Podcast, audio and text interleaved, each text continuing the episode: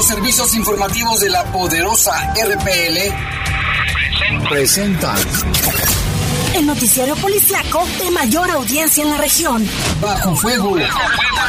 Notas, comentarios y más. Jaime Ramírez, Lupita Tilano, Iván Rivera y Lalo Tapia. Trabajamos en conjunto para mantenerte informado de los sucesos más importantes ocurridos al momento. Ocurridos al momento. En Bajo Fuego, tu opinión es importante. Comunícate al 477-718-7995 y 96. WhatsApp 477-147-1100. En Bajo Fuego, esta es la información.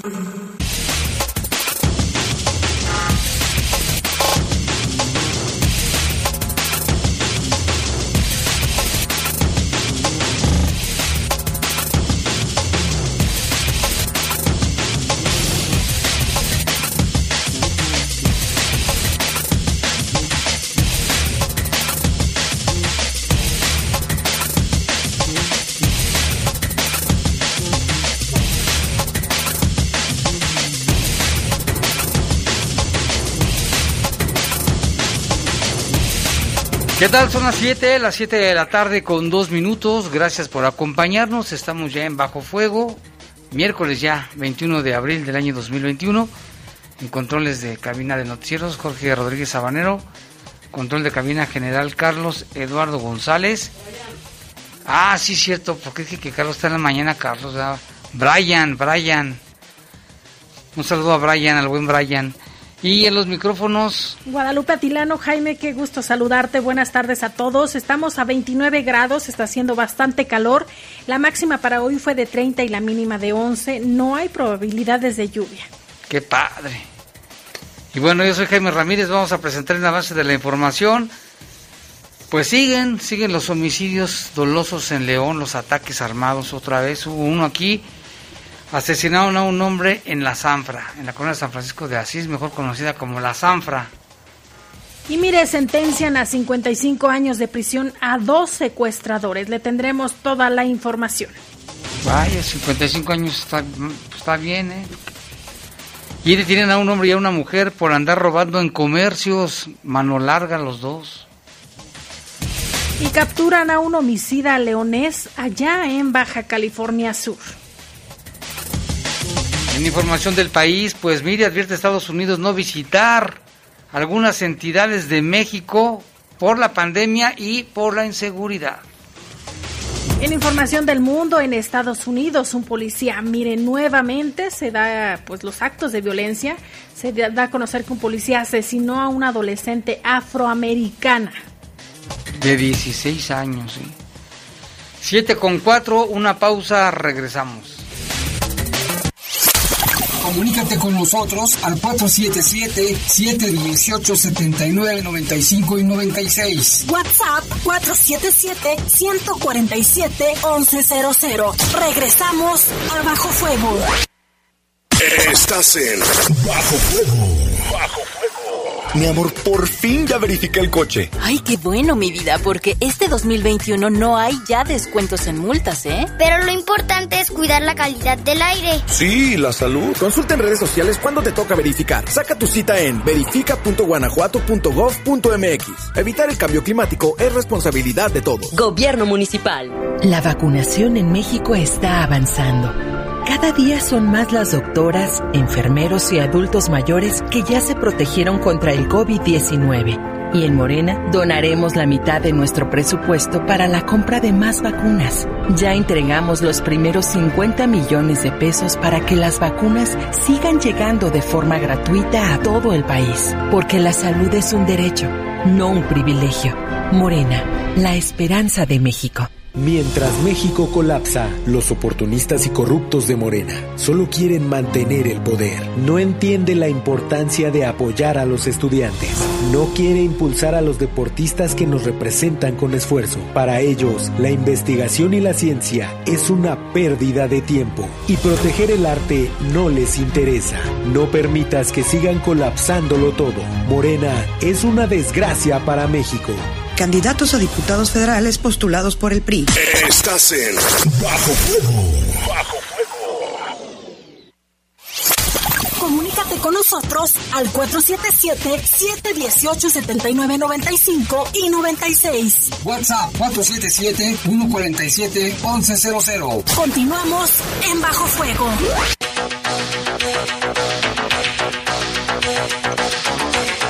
Son las 7 con 6, vámonos con información del país. El Departamento de Estado de Estados Unidos elevó a nivel 4 máximo el nivel de alerta de viajes hacia México. ¿Y esto por qué? Por la pandemia de COVID y también por la inseguridad. En este nivel de color rojo, que es el máximo de no viajar, están los estados de Colima, Guerrero, Michoacán y Sinaloa. Los cuatro tienen advertencia debido a la delincuencia. A Tamaulipas le agregan el motivo también de secuestro. En el nivel 3 está, que es color naranja, está Chihuahua, Coahuila, Durango, Jalisco, Estado de México, Morelos y Nayarit. Nuevo León, San Luis Potosí, Sonora y Zacatecas, todos a causa de la delincuencia. En en el nivel 2, amarillo de extremar precauciones, se encuentra el resto de las entidades federativas, incluida la capital de la República Mexicana.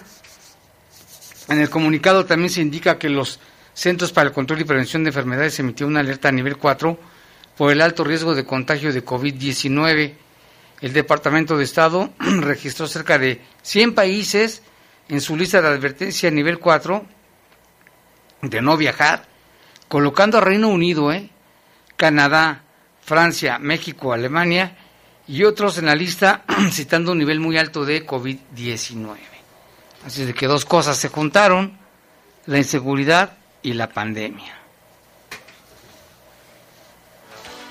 Y por otra parte, el secretario de Seguridad Pública del Estado de Michoacán, Israel Patrón Reyes, informó este miércoles que ya hay indicios de los ataques a policías estatales en el municipio de Aguililla. Señala que estos fueron con drones cargados con explosivos C4. De confirmarse, el titular de la Secretaría de Seguridad Pública señaló que este tipo de atentados son considerados como actos terroristas por las características y el uso de este tipo de explosivos. Explicó que el artefacto utilizado contra los elementos de la policía michoacana fue realizado con un equipo no tripulado conocido como dron. En este caso, dijo así, tenemos información que pudiera tratarse de material explosivo conocido como C4 y de comprobarse sin duda encuadraría en una conducta que el Código Penal señala como terrorismo. Israel Patrón dijo que ya tenían antecedentes de este y otros artefactos que se utilizaban por parte de criminales como granadas de fragmentación y los fusiles eh, calibre 50 de uso exclusivo del ejército. El funcionario estatal ratificó que este eh, que ya se encuentran los operativos eh, pues señalados Jaime que ayer mencionamos en este espacio informativo y el aguaje pues ya se encuentran dos elementos que resultaron allá lesionados y no hubo ningún fallecido afortunadamente. Continúan las investigaciones y también el día de hoy por la mañana se dio a conocer Jaime por parte del titular de la Secretaría de la Defensa Nacional respecto al uso de la tecnología con drones que no solo han afectado al estado de, Michoacán, sino también ya otras entidades federativas. Y Guanajuato tiene sus drones también, o sea, que, haya un ataque de, dron a dron. No, mejor, no. haya mejor que no haya ningún ataque. Sí, este, esto que pasó allí en, Michoacán, ya lo están investigando y por lo menos los, los, los elementos no están graves ni fue de consideración las lesiones. Y en otra información, durante el año 2020 se registraron en México 18 asesinatos contra defensores de medio ambiente, de los cuales 15 fueron hombres y 3 mujeres. De acuerdo con el informe dado a conocer por el Centro Mexicano de Derecho Ambiental, el año pasado contabilizaron cerca de 90 agresiones contra activistas en 65 ataques. El reporte sobre la situación de las personas defensoras de derechos humanos ambientales en México señala que de estas agresiones en 26 casos, Presuntamente fue un agente del Estado el perpetrador. En tres casos habrían sido personas ligadas a empresas privadas y en cuatro serían los mismos integrantes de la comunidad donde radican los defensores. Esto se da mucho también en Michoacán, Lupita, con los, los talamontes, que ellos mismos eh, se van en contra de los ambientalistas. ¿eh? Las de hecho se dan enfrentamientos recurrentes, Jaime, en el estado de Michoacán eh, debido a, esta práctica eh, que se considera un delito. Que es una mafia y si siguen así van a convertir a Michoacán en un desierto. Las agresiones de las que son víctimas los activistas del medio ambiente van desde las amenazas, el hostigamiento, la difamación, hasta llegar a las agresiones físicas y algunas de ellas terminan en, homicidios. En Guerrero, el 20 de diciembre del 2020, se documentó el asesinato con signos de tortura de cuatro indígenas nahuas, quienes eran miembros del Consejo Indígena Popular, organización que lucha por el derecho a la tierra, la autonomía y la libre autodeterminación. Los estados donde más agresiones se registraron contra activistas y registran un aumento son Chiapas, Campeche, el Estado de México, Chihuahua, la Ciudad de México, Guerrero y Veracruz. Tres más fueron documentados en el proyecto de construcción de la carretera San Francisco-Xochicuautla en el Estado de México y otros tres con el puente vehicular de Xochimilco en la Ciudad de México y tres más por la construcción de carreteras a lo largo de la República Mexicana. Así es de que México también está entre los países con más activistas ambientales asesinados, ¿eh? no solo periodistas ni policías, sino también activistas, defensores de, del medio ambiente. Y mira, Jaime, de lo que comentaba hace un ratito respecto al uso de drones, el día de hoy señalaba yo que el general Luis Crescencio Sandoval había dado a conocer la preocupación de las autoridades federales en cuanto a esta práctica. Dijo, en cuanto a la utilización de drones como un medio explosivo, hemos ubicado que hay algunos cárteles que están usando esto, afirmó el día de hoy en la conferencia matutina de, en la que es encabezada por el presidente de la República.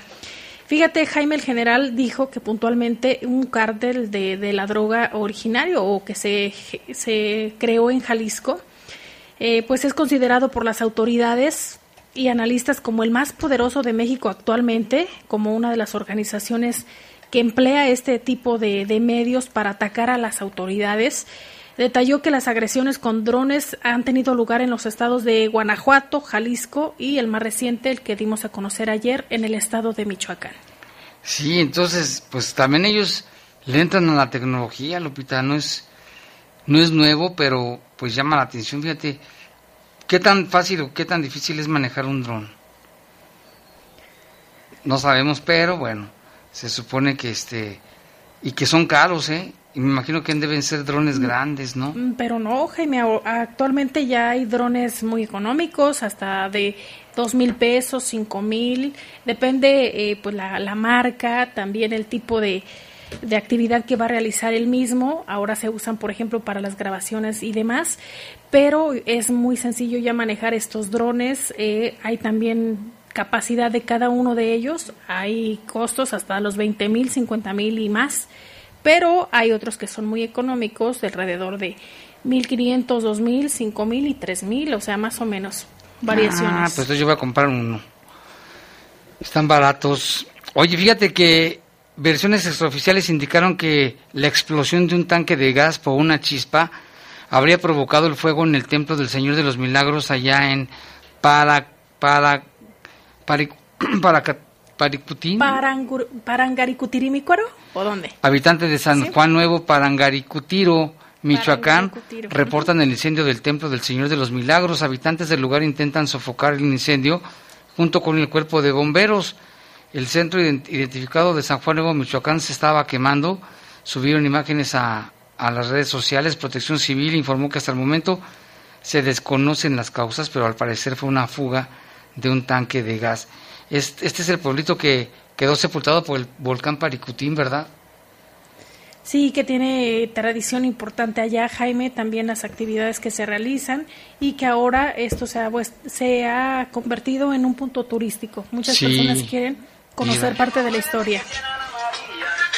Estás muy alegre hoy, Jaime. Los se manejan solitos. Este, ¿qué te iba a decir? No, fíjate que yo he ido ahí, ya fui una vez. está es, muy bonito. es muy bonito. Está muy bonito ahí. El pues. estado de Michoacán es muy bonito también. Y sobre todo, Jaime, fíjate que ahí en esa zona siempre hay em, eh, mujeres indígenas y demás eh, vendiendo gastronomía muy rica. Muy riquísima, ¿no? Muy rica. Me acuerdo que alguna vez fue a hacer reportajes a Pátzcuaro el Día de Muertos. Pues bien padre, la mariposa monarca, los bosques. No, este es un estado muy bonito, pero bueno. Vámonos con la información del mundo, Lupita. Así es, mire, un agente de policía de Ohio disparó y mató a una adolescente afroamericana. Ella, según señalan, tenía 16 años y respondía a una llamada de emergencia cuando intenté, cuando por por un intento de por apuñalamiento. un intento de apuñalamiento, pues se da a conocer esta noticia. La adolescente involucrada en el incidente, esto fue en la capital del estado de Columbus, fue identificada como Maruka Bryant. La policía fue llamada a una dirección en un área del sureste de Columbus alrededor de las 16:45 horas del martes, o sea, del día de ayer. Las imágenes fueron tomadas por las cámaras corporales de la policía y ahí muestran un altercado con un grupo de personas afuera de una casa antes de que una de ellas, presuntamente la chica asesinada, pues ataque eh, a otras con un cuchillo, es lo que se da a conocer. Luego un oficial de policía se acerca al grupo y grita agáchense antes de disparar varias veces hiriendo mortalmente al adolescente. Ya se, ya se inició la investigación y las autoridades locales instaron a los residentes a mantener la calma. Las autoridades dijeron que la policía abrió fuego para salvar la vida de, de otra adolescente que ahí se encontraba en el lugar, aunque, aunque una mujer identificada en los medios locales como la tía de Bryant dijo que su sobrina simplemente estaba defendiéndose después de ser atacada. El policía involucrado, que aún no ha sido identificado, fue puesto bajo licencia administrativa pagada, así informaron algunos medios allá de Estados Unidos. Sí, que al parecer había un pleito entre mujeres y que según esto, esta muchacha estaba atacando a otras, pero no está comprobado. Entonces el policía dice, agáchense, dispara y, la mata. Qué lamentable, esperan que no haya reacciones violentas. Y ahora vámonos hasta la India porque miren lo que les pasó allá. Al menos 22 pacientes de COVID-19 murieron en un hospital después de que se registró una fuga de un tanque de oxígeno y este provocara el corte de suministro a decenas de enfermos conectados a respiradores. Fíjate, estaban conectados a respiradores con oxígeno. Uno de ellos reporta una fuga y se corta el suministro. Según la información, 22 personas murieron ya que estaban conectados a ventiladores y suministros de oxígeno que se interrumpió tras la fuga de este tanque. Imágenes del incidente muestran las instalaciones cubiertas por una densa cortina de humo blanco proveniente de uno de los tanques externos del hospital. Si bien no se conocen las causas de las fugas, las autoridades del Estado de allá en la India han asegurado las evidencias para que se investigue qué es lo que realmente sucedió. Imagínate, 22 personas que estaban conectadas, les cortan el suministro y pues se mueren. Qué tragedia. También en la India un hombre logró salvar a un niño que estaba en peligro de ser atropellado por el tren tras caer a las vías. El hombre sin pensarlo corrió, saltó y salvó al pequeño. En redes sociales fue difundido el video en que se encuentra el momento en que este hombre salva al niño que estaba pues allí a unos instantes de que llegara el tren. En las imágenes aparece la mamá del niño, quien al ver al pequeño cae a las vías, grita desesperada pidiendo ayuda. Luego de que este video se volviera viral y le diera la vuelta al mundo, este héroe recibió un premio por parte de las autoridades. El premio consistió en 50 mil rupias, que es la moneda de la India, y esto equivale a unos 13 mil pesos mexicanos. Pues nada mal le fue a este hombre. Lo que me llamó la atención, Lupita, no sé si viste el video, la mamá se queda como pasmada. El niño cae. Seguramente la impresión. La mamá grita, se hinca, pero no hace por ir por el niño. Se le queda viendo gritando. Entonces este señor sí corre, se brinca, lo saca y lo salva. Sí, yo creo que se quedó en shock, ¿no? Seguramente. Supongo, porque cómo es que ella lo tenía a un, pero a un paso. Cada quien tenemos diferente forma de reaccionar, sí, Jaime. Sí, sí, pero qué bueno que este hombre intervino, el niño está bien y se ganó sus 13 mil pesos. Su recompensa. Bien, este, bien remunerado. Son 7 con 20, vamos a una pausa, regresamos con más.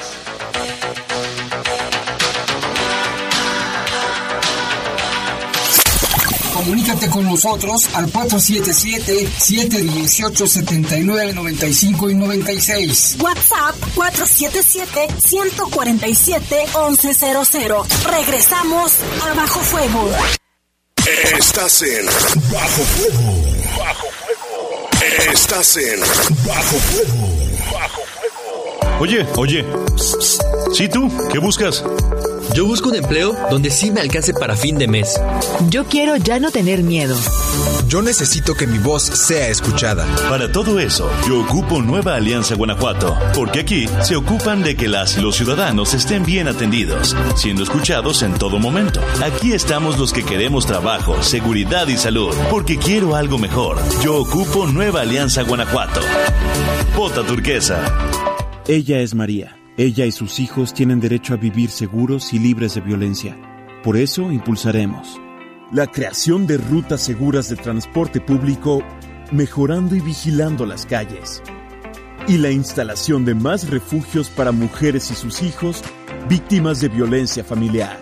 En el Partido Verde trabajamos por los derechos de María y de todos los mexicanos. Cumplir es nuestro deber. Partido Verde. La vacuna contra la COVID-19 es segura, universal y gratuita. Nadie puede vendértela ni pedirte dinero para que te la pongas. Si necesitas denunciar a una persona servidora pública, visita sidec.funcionpublica.gov.mx o llama al 911. Cuidémonos entre todos. Vacúnate y no bajes la guardia. Secretaría de Salud. Este programa es público ajeno a cualquier partido político. Queda prohibido el uso para fines distintos a los establecidos en el programa. Estás en Bajo Fuego. Bajo Comunícate con nosotros al 477-718-7995 y 96. WhatsApp 477-147-1100. Continuamos en Bajo Fuego.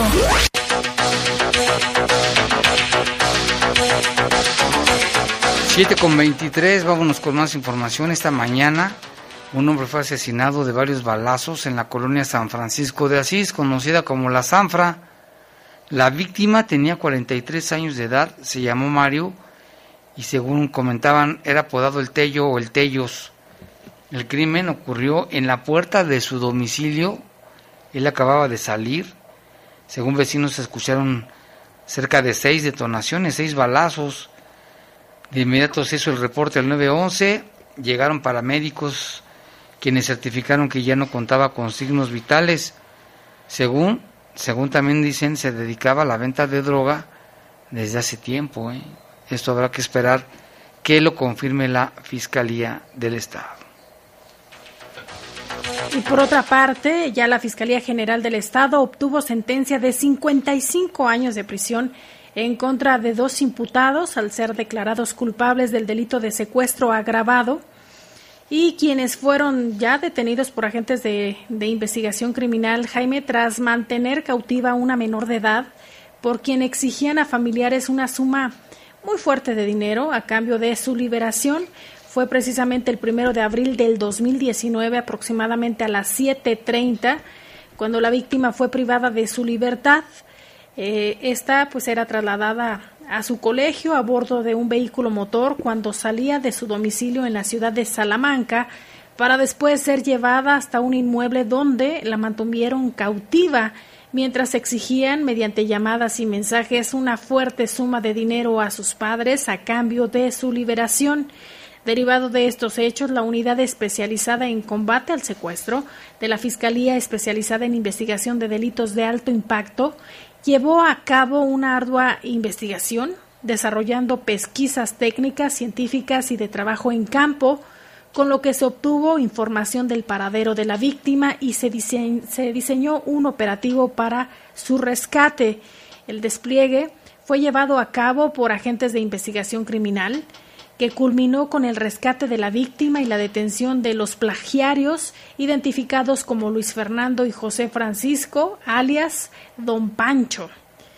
Estos hombres, Jaime, pues tras ser llevados ante un juez y ser vinculados a proceso penal, el caso llegó a la etapa de juicio oral, donde el agente especializado en litigación del Ministerio Público aportó las pruebas contundentes que fueron medulares para que en la audiencia final el tribunal del juicio declarara culpables de los cargos a los imputados, quienes además de la pena privativa de la libertad deberán cubrir una multa y el pago de la recuperación del daño, de reparación del daño, perdón, a favor de la víctima. Pero ya, mientras tanto, Jaime, en prisión. Están encerrados 55 años de cárcel. A ver cómo salen.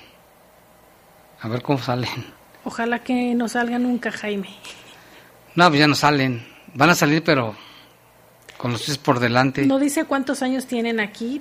Pero no dice, pero... 55 años, ponle que tengan, no sé, 20, 30. 30, 50. unos 70, 80. que salgan ahí viejecitos. Y vámonos con otra información. Un hombre identificado como Jesús Adrián fue capturado allá en el estado de Baja California Sur tras ser responsable de un homicidio ocurrido también en el año 2018 en diciembre aquí en León, en la colonia Valle de Señora. Fue la noche del martes 11 de diciembre del 2018, la fecha en que ocurrió el crimen, en el andador Gay Lusac y la esquina con calle de Fósforo. En ese lugar la víctima identificado como Alejandro de 33 años y el ahora detenido tuvieron una discusión la que tuvo como consecuencia que Jesús Adrián lo golpeara provocando que cayera al piso y se pegara en la cabeza. El agresor escapó y la víctima fue llevado por su familia a un hospital donde permaneció internado hasta el viernes 14 de diciembre y finalmente murió debido al fuerte traumatismo craneoencefálico. La agencia de investigación realizó las indagatorias y logró dar con el paradero del presunto inculpado, quien andaba ya resguardado y escondido en Baja California Sur. Por medio de una colaboración se dispuso de un operativo entre agentes de la Fiscalía de Guanajuato y de aquella entidad que culminó con la captura de Jesús Adrián, quien ya fue trasladado a Guanajuato y fue presentado ante el juez y ya resolvió vincularlo al proceso penal por el delito de homicidio. Fíjate cómo una, una discusión termina en golpes y luego terminó en un homicidio. Así terminan muchos, ¿eh? Y mira, Jaime, también allá en Apaseo el Alto trasciende, de acuerdo a la publicación del periódico El Sol de León, señala que un policía municipal de, de aquella zona fue asesinado a balazos por sujetos armados quienes junto al cadáver dejaron una cartulina con un mensaje alusivo al crimen organizado. Los hechos ocurrieron la tarde del martes en la colonia Santa Elena Norte. El elemento policial de aproximadamente 28 años de edad se encontraba sobre la avenida Constituyentes, entre las calles General Pedro Moreno y Joaquín Sánchez, cuando sujetos armados arribaron hasta el sitio y lo sorprendieron a tiros.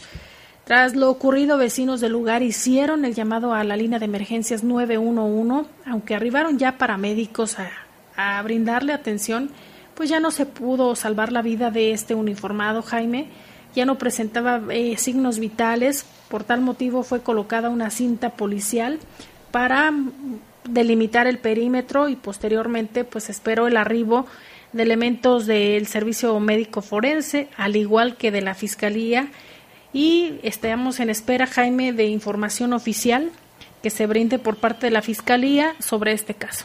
Sí, porque, pues, ¿cuántos policías siguen también matando en Guanajuato? ¿Te acuerdas del federal de hace unos días? Este también en San Luis de la Paz, otro, otro caso de otro policía asesinado. Y tenemos aquí algunos reportes del auditorio. Muchas gracias a la gente que se comunica con nosotros. Nos manda mensaje Rafael Vargas, dice, Voy saliendo de la base Delta, esperé 45 minutos para tomar la X84 y los de movilidad ni sus luces, ya hace falta actualizar el servicio, hay muchas paradas juntas. Imagínate, Lupita, parada 45 minutos esperando el transbordo de un camión. Dime si no es o sería desesperante. También saludos para Leonardo Cano que nos está escuchando, Blanca Sandoval. Muchas gracias por sus saludos y sus comentarios. Y también aquí tenemos otros reportes. Nos dicen, bueno, saludos hasta San Francisco del Rincón, nada más. Y aquí nos comentan que en San Juan de Otates tienen un delegado que, al que consideran que es muy convenenciero para las ayudas del gobierno, que nada más ayuda a sus familiares y a sus amigos. Dice que a dónde pueden acudir, y que vayan a la, a la Dirección de Desarrollo Social, que presenten su queja para que les expliquen por qué no les dan a ellos las ayudas. También saludos a Ángel de Montreal, allá en Canadá. Saludos Ángel, un saludote y un abrazo hasta allá. Dice, buenas noches Jaime Lupita, sobre el caso de la chica afroamericana en, en el título debe ser un policía héroe de Ohio, salva a una adolescente afroamericana de ser asesinada por una chica de 16. El video es muy claro, si el policía hubiera tardado un segundo más, la Oxisa habría asesinado a la otra muchacha. No hay absolutamente nada que discutir. Saludos y disfruten el calor que aquí está cayendo mucha nieve. Órale, sí nos manda la foto y sí se ve. Y pues aquí estamos a 30, casi a 31 grados, 29, 30, 31. Ángel, más te digo, para que sepas. Y sí, bueno, nosotros no vimos el video, pero por lo que estaba diciendo el mismo policía, que él tuvo que intervenir para que esta muchacha, la de 16, no matara a la otra. Pero esperemos ahí que las autoridades hagan una, hagan una investigación más profunda. Y sí, bueno, y se ve el video, ¿no? También aquí dice, quiero hacer un reporte de un caño tapado que tiene varios días. Así los vecinos, como vivo en un edificio de Lomas de Cheveste, llevan varios meses con su con el problema y no hacen nada, como nuestro edificio queda queda el olor fecal se viene a mi casa, huele muy mal, ¿qué puedo hacer? No sé si pueda llamar a Zapal y explicar el tema, ¿no? Y tienen que consensarlo con los que viven allí en ese edificio, imagínate. Aparte de los, deja los malos olores, la contaminación, un foco de infección. También aquí dice Jaime, día a día escucho la estación, en esta ocasión recurro a tu estación, pues ya tiene tiempo que abrieron enfrente de mi casa un grupo de ayuda de jóvenes drogadictos y la verdad es muy molesto y preocupante, pues seguido hacen fiestas, se oyen gritos, incluso se salen a fumar a los balcones o marihuana, obstruyen cocheras de las casas de tanta gente, espero contar con el apoyo. Nos da la dirección, vamos a pasarla directamente a las autoridades municipales, por un lado a las de salud para ver si está regular ese o no, también a los de los de desarrollo urbano para ver lo del uso de suelo, Muchas gracias. Y aquí también nos dicen de esta noticia que saben. Bueno, ahorita voy a abrir, es un WhatsApp, ahorita lo voy a abrir. Y luego aquí dice, se me extravió una placa por la salida a San Pancho. Es la placa GB 2448B. Ofrezco una gratificación. No nos da su nombre, pero dice que si alguien la encontró, puede marcarle al 477-239-7854. 477-239-7854. Y es la placa GB 2448B. Ofrece una gratificación por si alguien se la, se la puede dar, pues adelante. También aquí dice Jaime, saludos desde Purísima del Rincón. Dice, mira, ayer nos llevamos una desagradable imagen de la comunidad de Jalpa de Cánovas de Purísima, ya que hay un señor, el cual vive enfrente del templo, que se llama Jorge, en pleno jardín, tiene un árbol frente a su casa en el cual por las tardes se reúnen muchas aves, de las cuales son garzas blancas muy bonitas, pero el señor las está matando con un rifle de diablos. Mira, en el suelo se ve el tiradero de aves muertas, unas heridas, otras con alas rotas pero vivas. Yo vi unas treinta el Señor les dispara de la azotea de su casa a una distancia de unos 20 metros. ¿Dónde lo podemos denunciar? Bueno, es que este, es el, este reporte ya tiene un buen tiempo, pero ahí en el municipio, en una dirección de protección al ambiente. Y acá también dice otro reporte, Jaime, que vengan cientos y cientos de soldados a protegernos, a hacer retenes por todos lados, patrullajes con cinco o diez patrullas juntas eso no nos dice nada porque los delincuentes, las tienditas de vendedores son intocables porque esas personas pagan cuota a algunos ministeriales que los protegen y eso nunca se va a acabar. Saludos desde Purísima. Más así nos dicen. Este, pues sí, hay que ver este asunto que llevan varios reportes que nos hacen en este sentido, Lupita, que se supone que están para ayudar. Y aquí también un servicio social nos llaman del Hospital General de León Dice, buenas tardes, hablo del Hospital General de León para solicitar de su apoyo, ya que tenemos un paciente en calidad de desconocido. Lo encontraron en la colonia San Pedro de los Hernández, está inconsciente, se ve con algunos golpes. La foto la vamos a subir a, a las redes sociales para que si alguien lo reconoce lo vayan a, vaya a su familia a verlo. Ahí está esta persona, ya tiene varios días en el Hospital General de León. Es un hombre de piel morena, cabello abundante, entre chino, nariz ancha, labios gruesos, cara redonda, es lo único que se le aprecia. Ojalá si alguien no encuentra un familiar, pues que se vaya a dar una vuelta por ese lugar. Y tenemos más información. Un hombre que portaba un arma de fuego de manera ilegal fue detenido por elementos de la Policía Municipal aquí en León. La detención se realizó en la colonia La Moderna.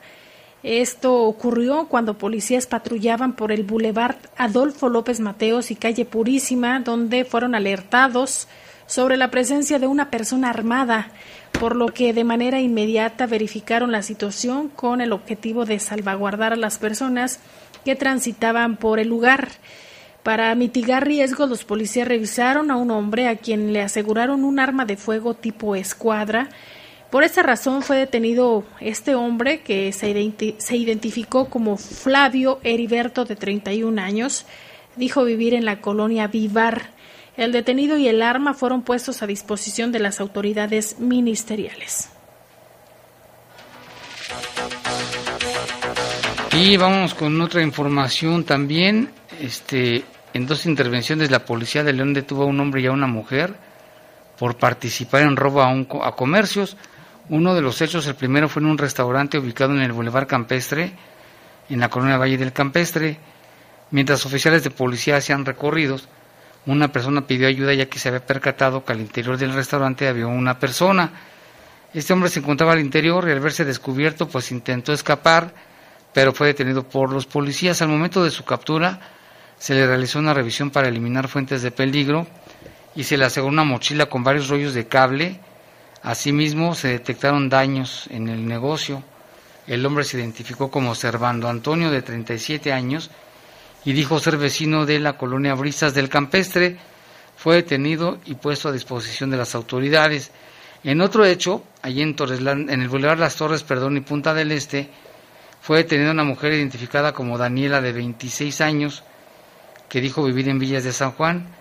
En atención a un reporte realizado por los guardias de un centro comercial, dice policías del distrito Cerrito de Jerez se trasladaron al lugar y detuvieron a la mujer que al momento de detenerla, pues se había robado ropa, había entrado a robar playeras, calcetines, unas pantuflas, y los detenidos y los asegurados quedaron a disposición de las autoridades pues no deben de hacerlo, Lupita. Se metió a robar las playeras y los calcetines y las pantuflas seguramente para venderlas, pero pues la detuvieron. ¿Cuántos casos se dan de estos, eh? Muchísimos, eh. Y mandamos también saludos, Jaime, para la señora Juana Retana, que nos escucha desde la colonia León 2. Un saludo para la señora doña Juana. Y más información, la Fiscalía General del Estado obtuvo una condena de 55 años. Bueno, no, este es ya de los secuestradores que ya lo habíamos comentado. Pero sí, en otro hecho da a conocer Jaime la Fiscalía que aquí en el municipio de León ya tomó conocimiento sobre otro homicidio, Jaime. Se trata de un hombre de 45 años, el cual tenía lesiones por eh, disparos de arma de fuego. Los hechos se registraron en la calle Dibujantes de Echeveste, en la colonia Haciendas de Echeveste. Ya es otra carpeta de investigación que se encuentra abierta. Todavía no dan a conocer más datos de la persona fallecida. De lo que damos cuenta el día de ayer también. Ya son las 7.39, vamos a una pausa, regresamos con más.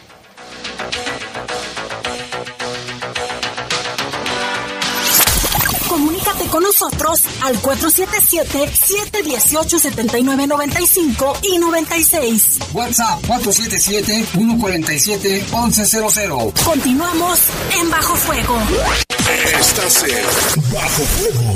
Bajo la cuarta transformación se siente en todo México, en cada hogar, en cada sonrisa, en la semilla que toca nuestra tierra, en la mirada de los más sabios. La transformación se siente en nuestra historia y en el futuro construyéndose con más oportunidades. Se siente en cada calle segura, en cada sueño alcanzado y en el combate a la corrupción. La cuarta transformación se vive y se puede ver Morena. Vota por las diputadas y diputados federales de Morena. Coalición Juntos Hacemos Historia. Las mexicanas estamos cansadas de los golpes de Morena. Nos golpeó cuando recortó los programas de atención a víctimas y los refugios. Morena nos golpeó al dejar sin recursos las guarderías infantiles. Nos golpea cada vez que deja a nuestros hijos morir de cáncer. Morena nos golpeó cuando nos quitó todos los programas de apoyo. Basta, no lo vamos a permitir. Ponle un alto a Morena y a la destrucción de México. Vota PAN. Candidatos a diputados federales de la coalición va por México. Fallas en el alumbrado, maltrato animal, limpieza de lotes baldíos, reporta esto y mucho más. Comunícate al 477-788-0000 o al 072 a través de www.león.gov.mx por chat en línea o reporte ciudadano o con las aplicaciones Vía Directa León y Chat León para hacerlo desde tu celular. Gobierno municipal. Tengo 17 años, mi mamá falleció de cáncer. Ese vacío que dejó ella al irse me hundió, es lo que me tiene aquí. Me fui empezando a juntar con malas amistades y me dejé que, que me envolvieran y dije, pues va. La probé y me gustó y de ahí me agarré. Marihuana y tabaco son lo que... mi consumo crónico. Se fueron mis ganas de vivir. Me causó mucho sentimiento que me dijo mi abuela, yo no quería esto para ti. El mundo de las drogas no es un lugar feliz. Busca la línea de la vida, 800-911-2000. Estás en Bajo Fuego. Bajo Comunícate con nosotros al 477-718-7995 y 96. WhatsApp 477-147-1100. Continuamos en Bajo Fuego.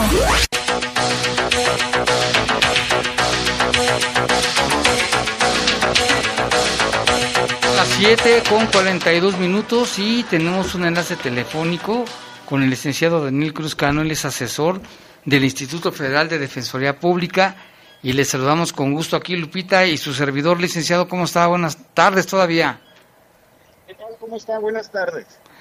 Oiga, licenciado, pues platíquenos de este tema polémico y que no alcanzamos todavía a entender, esta reforma a la Ley Federal de Telecomunicaciones y Radiodifusión, pues que quieren obligar a los usuarios a, aparte de dar todos sus datos, también la información biométrica, este, no sé si esto también atente contra los derechos humanos y ya, ya vimos que empezaron a haber amparos. A ver, platíquenos, pónganos bien en contexto, licenciado. Oiga, sí, se hace una reforma a la Ley Federal de Telecomunicaciones y Radiodifusión, se publica el día viernes 16 de abril, eh, entra en vigor al día siguiente, el sábado 17. Así es que sí tenemos una ley eh, que ha modificado eh, algunos dispositivos legales que en opinión del suscrito, bueno, pues trastoca derechos fundamentales. se crea un padrón nacional de usuarios de telefonía móvil. en apariencia parece, nos resulta un poco inofensivo finalmente cuando contratamos un servicio de telefonía celular, pues eh, aportamos determinados datos, pero a las compañías telefónicas. Y estas, eh, esta ley, estas reformas a esta ley, eh, de manera expresa, así lo señala, tiene una finalidad de contribuir, de ayudar, de reducir el índice de la comisión de ilícitos penales, pero creo que por ahí es donde nace un poquito mal eh, la reforma. ¿Por qué, licenciado? Fíjese que eh, el propósito es eh, combatir la, la, delincuencia, así es que el argumento que sostiene estas reformas es la seguridad pública y nos venden la idea de que cedemos un poquito de nuestra libertad a cambio de una mayor seguridad. En apariencia decimos, bueno, pues vivimos en sociedad, cedemos un poquito de libertad. Sin embargo, es una falacia, es una falacia total porque eh, se vende la idea de que a través de este registro, de esta compilación de datos de todos los ciudadanos, de todas aquellas personas que usen una telefonía celular, eh, se va a reducir la delincuencia. Eh, en principio esto es un absurdo.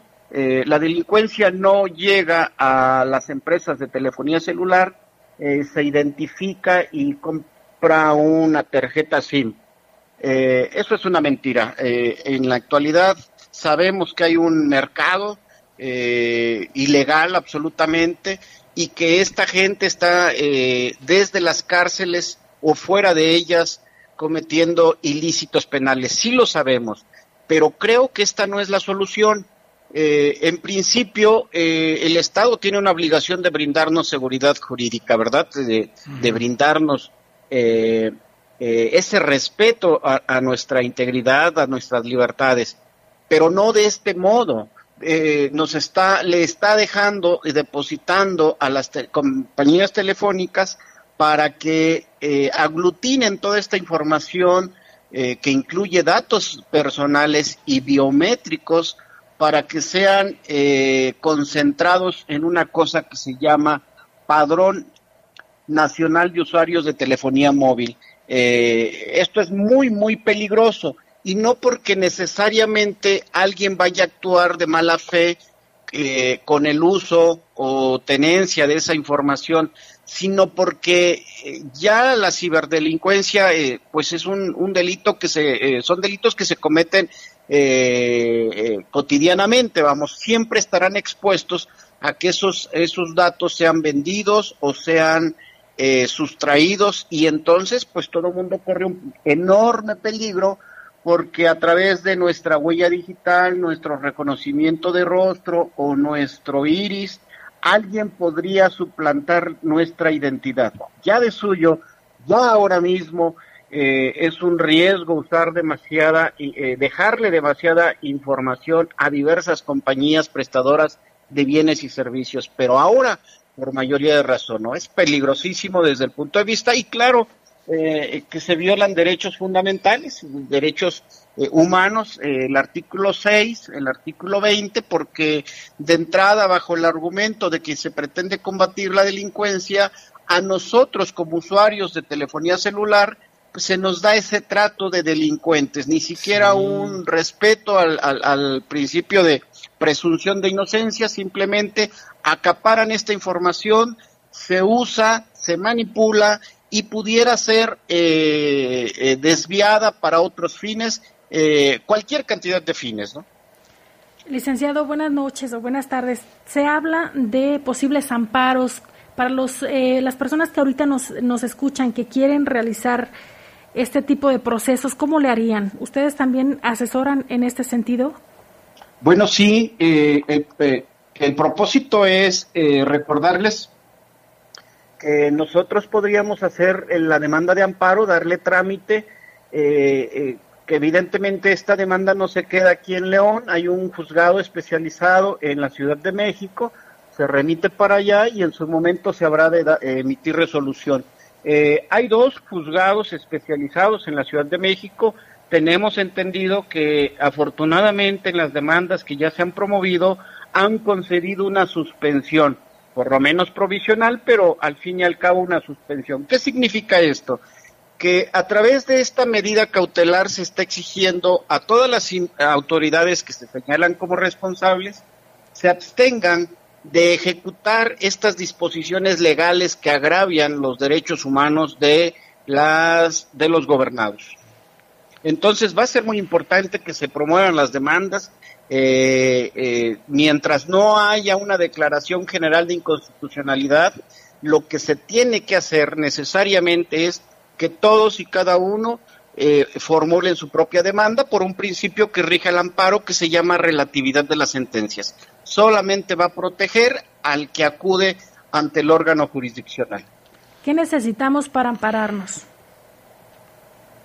Bueno, eh, los datos básicos será determinar con qué compañía tengo yo eh, celebrado un contrato, eh, en el supuesto de que se tenga el contrato, que muchas veces tenemos este contrato, pues será importante y pues la identificación. Creo que bastaría con eso son datos fundamentales porque estamos hablando de una ley que se estima que con su sola entrada en vigor nos causa una afectación. A eso se le denominan en materia de amparo leyes autoaplicativas. Eh, así es que para que yo reclame ante el órgano jurisdiccional esta afectación que estoy sufriendo en mi esfera jurídica, pues habrá de demostrarse que en principio yo tengo una un contrato celebrado con alguna una compañía telefónica. Oiga, licenciado, de origen y por lo que se ve, eh, este, es anticonstitucional totalmente. ¿Quién tendría que hacer una declaratoria de inconstitucionalidad? Bueno, la Suprema Corte, una vez que los conozcan, que conozcan los amparos, si es que lo atrae, que sería pertinente la Suprema Corte el asunto y le dice al juzgado, permíteme, yo lo analizo primero eh, y determino una declaratoria de general de inconstitucionalidad, bueno, creo que en ese solo caso pudiera tener efectos generales. Significa entonces que para toda la población ah, habrá de dejarse de aplicar esta este, ley. Mientras tanto no se haga esto, pues de, por mandato legal, las compañías telefónicas ya tienen una obligación de entregar esta información a este padrón que se va eh, a hacer. Y pues ellas serán sujetas de sanción en caso que no las entreguen. Claro, lo que van a hacer es que como mucha gente ya tiene celebrado su contrato, pues lo que van a hacer es eh, allegarles toda esta información, lo cual me parece que resulta muy peligroso. Es cierto que por ahí están pendientes algunas disposiciones de operatividad. Sin embargo, eh, la ley ya entró en vigor, la ley ya está afectando, la ley, en mi opinión, ya está causando un perjuicio y la ley ya debe de ser combativa, combatida por tanto, ¿no? No, pues qué situación tan difícil. Y ya lo hemos visto, ¿se acuerda, licenciado, en, en años anteriores que ya habría un registro de los usuarios y el padrón se vendía en México como si fuera pan caliente? Sí ha sucedido en el caso de, de las credenciales de elector con el entonces Instituto Federal Electoral, sucedió algo parecido. Este, estos datos estaban en un eh, en una región del sur de Estados Unidos, alguna compañía ya los había adquirido y bueno, pues esto es muy peligroso. Eh, en el mejor de los escenarios nada más se usan para fines de mercadotecnia, en el mejor. En el mejor de los casos. Sí, sí, sí, pero eh, híjoles, es muy, muy peligroso. Ahora mismo ya, eh, con tanta información que tienen muchas compañías telefónicas, eh, ya de entrada tiene nuestro domicilio, nuestro nombre, nuestra CUR, eh, datos este, de nuestra persona. Bueno, pues ya era peligroso, pero ahora todavía eh, entregarles datos biométricos que implican huellas digitales, reconocimiento facial o iris, me parece que es sumamente peligroso porque una vez que se sube esta información, eh, está latente un hackeo y que esto sea apoderado por cualquier este, ciberdelincuente en cualquier parte del orbe, ¿no? Entonces, eh, estamos hablando de que eh, sí es muy preocupante que bajo un argumento de seguridad se pretenda pues otorgar inseguridad al propio gobernador. ¿ah? Parece una paradoja porque mientras el argumento eh, de defensa que tuvieron los legisladores para que estas leyes fueran promulgadas era que a través de esta normatividad íbamos a tener una mayor seguridad porque iban a reducir la delincuencia. Híjoles, lo peligroso es que este, nos están exponiendo aún más. Pero más aún, dicen los que han hecho estudios al respecto, que no existe evidencia científica eh, que demuestre que a través de este acaparamiento de información verdaderamente se disminuya el índice de la comisión de ilícitos penales. Así es que en realidad lo que el gobierno va a tener va a ser información de la gente que se porta bien, ¿verdad? Pero no va a tener información de los delincuentes. El que está extorsionando, el que está secuestrando, eh, no está comprando, no sale a la calle, no va a la, a la compañía telefónica y compra un teléfono y se identifica y da sus datos. Eso no lo hace. Y eso lo debiera de saber, eh, eh, debieran de saber los expertos en seguridad. Híjole, pues un tema complejo. Ojalá que sí se pudiera echar para atrás esto, pero bueno, mientras tanto, ahí están ustedes, si es una, una, como si es una posibilidad de presentar una demanda de amparo. Licenciado, ¿dónde se encuentra su teléfono, por favor, su dirección y los horarios de atención? Nosotros estamos ubicados en Adolfo López Mateos, 1139, en Colonia Cuecillo, Oriente. Eh, nosotros tenemos un horario de servicio ahora por este problema que se ha prolongado con la pandemia de 9.30 a 3.30 de la tarde. Sin embargo, bueno, pues por ahí tienen, ahí están a nuestra, a la disposición de todo mundo los datos telefónicos donde pudiéramos ser contactados en caso de urgir este, la atención. Eh, eh, bueno, pues en el, en el supuesto de que se eh, tengan esta inquietud de acercarse para ah, promover esta demanda, pues será importante que sí tengamos a la mano por ahí este contrato de telefonía celular. Hay que buscarlo, porque luego no los tenemos. Muchas gracias, licenciado, por la información y por aclararnos más este tema, que como usted dice, sí, es, resultaría peligroso. Muchas gracias. ¿Algo más, licenciado Daniel Cruz? No, pues agradecer la invitación y el espacio que amablemente se nos brinda. Muy bien, muchas gracias, licenciado. Estamos en contacto y nos escuchamos en 15 días. Hasta luego, buenas tardes. Buenas tardes. Pues, ¿cómo ves esto, Lupita? Es un tema delicado, ¿no? Y sí cierto, los que vamos a estar en el padrón vamos a ser los buenos, porque los malos no van y se y dan sus datos, ni su nombre, ni su dirección, mucho menos van a ir a que les tomen el iris, ni, ni lo biométrico tampoco, ni su huella digital. Hay mercado negro de todos estos aditamentos, chips, este, teléfonos, que son los que ellos usan. Y que además, Jaime, si tú tienes registrado ya tu número celular, y o sea, te roban tu teléfono y cometen un ilícito, aquí el responsable eres tú. Y además ya tienen todos los, ya tienen todos los datos que, que, sean posibles, o sea, ¿qué más quieren? Ojalá que se pueda echar esto para atrás. Y es de sabios, ¿cómo se rectificar o cambiar de opinión, eh? No porque ya lo dijo, ya lo puede cambiar, si ojalá entrar en razón. Aunque las autoridades, como siempre, tienen otros datos, Jaime. Así es. Se da a conocer, Jaime, que ya esto, según ellos, se aplica en 155 países, ya cuentan con este registro obligatorio, entre ellos señalan que, se, que es Japón, Alemania y Francia, y ellos señalan que este padrón nacional de usuarios de telecomunicaciones eh, servirá para frenar la delincuencia porque nueve de cada diez llamadas de extorsión se realizan con celulares de prepago, es lo que da a conocer el gobierno federal a través de su cuenta de Facebook. Señala que es la finalidad de este de esta reforma y la creación de este padrón nacional de usuarios de, de telecomunicaciones que es un asunto de seguridad y protección para todas y para todos, es lo que ellos dicen. Esas comparaciones nunca son buenas. No es lo mismo Alemania que México, ni Francia que México, son otros, ellos tienen otros datos. Mira aquí, gracias, le mandamos saludos a un amigo que nos está mandando información. Hay un lesionado con arma de fuego en San, San Anselmo, en Santa Rosa, Plan de Ayala en este momento. Gracias por el reporte de nuestro amigo reportero urbano. Él está en el lugar de los hechos y nos está reportando esto. Un lesionado con arma de fuego, San Anselmo, en Santa Rosa, Plan de Ayala. Y ya casi nos vamos, Lupita, pero hay más información. Fíjate que el Seguro Social reabrió a nivel nacional los servicios médicos que disminuyeron a causa de la pandemia del COVID-19. ¿eh?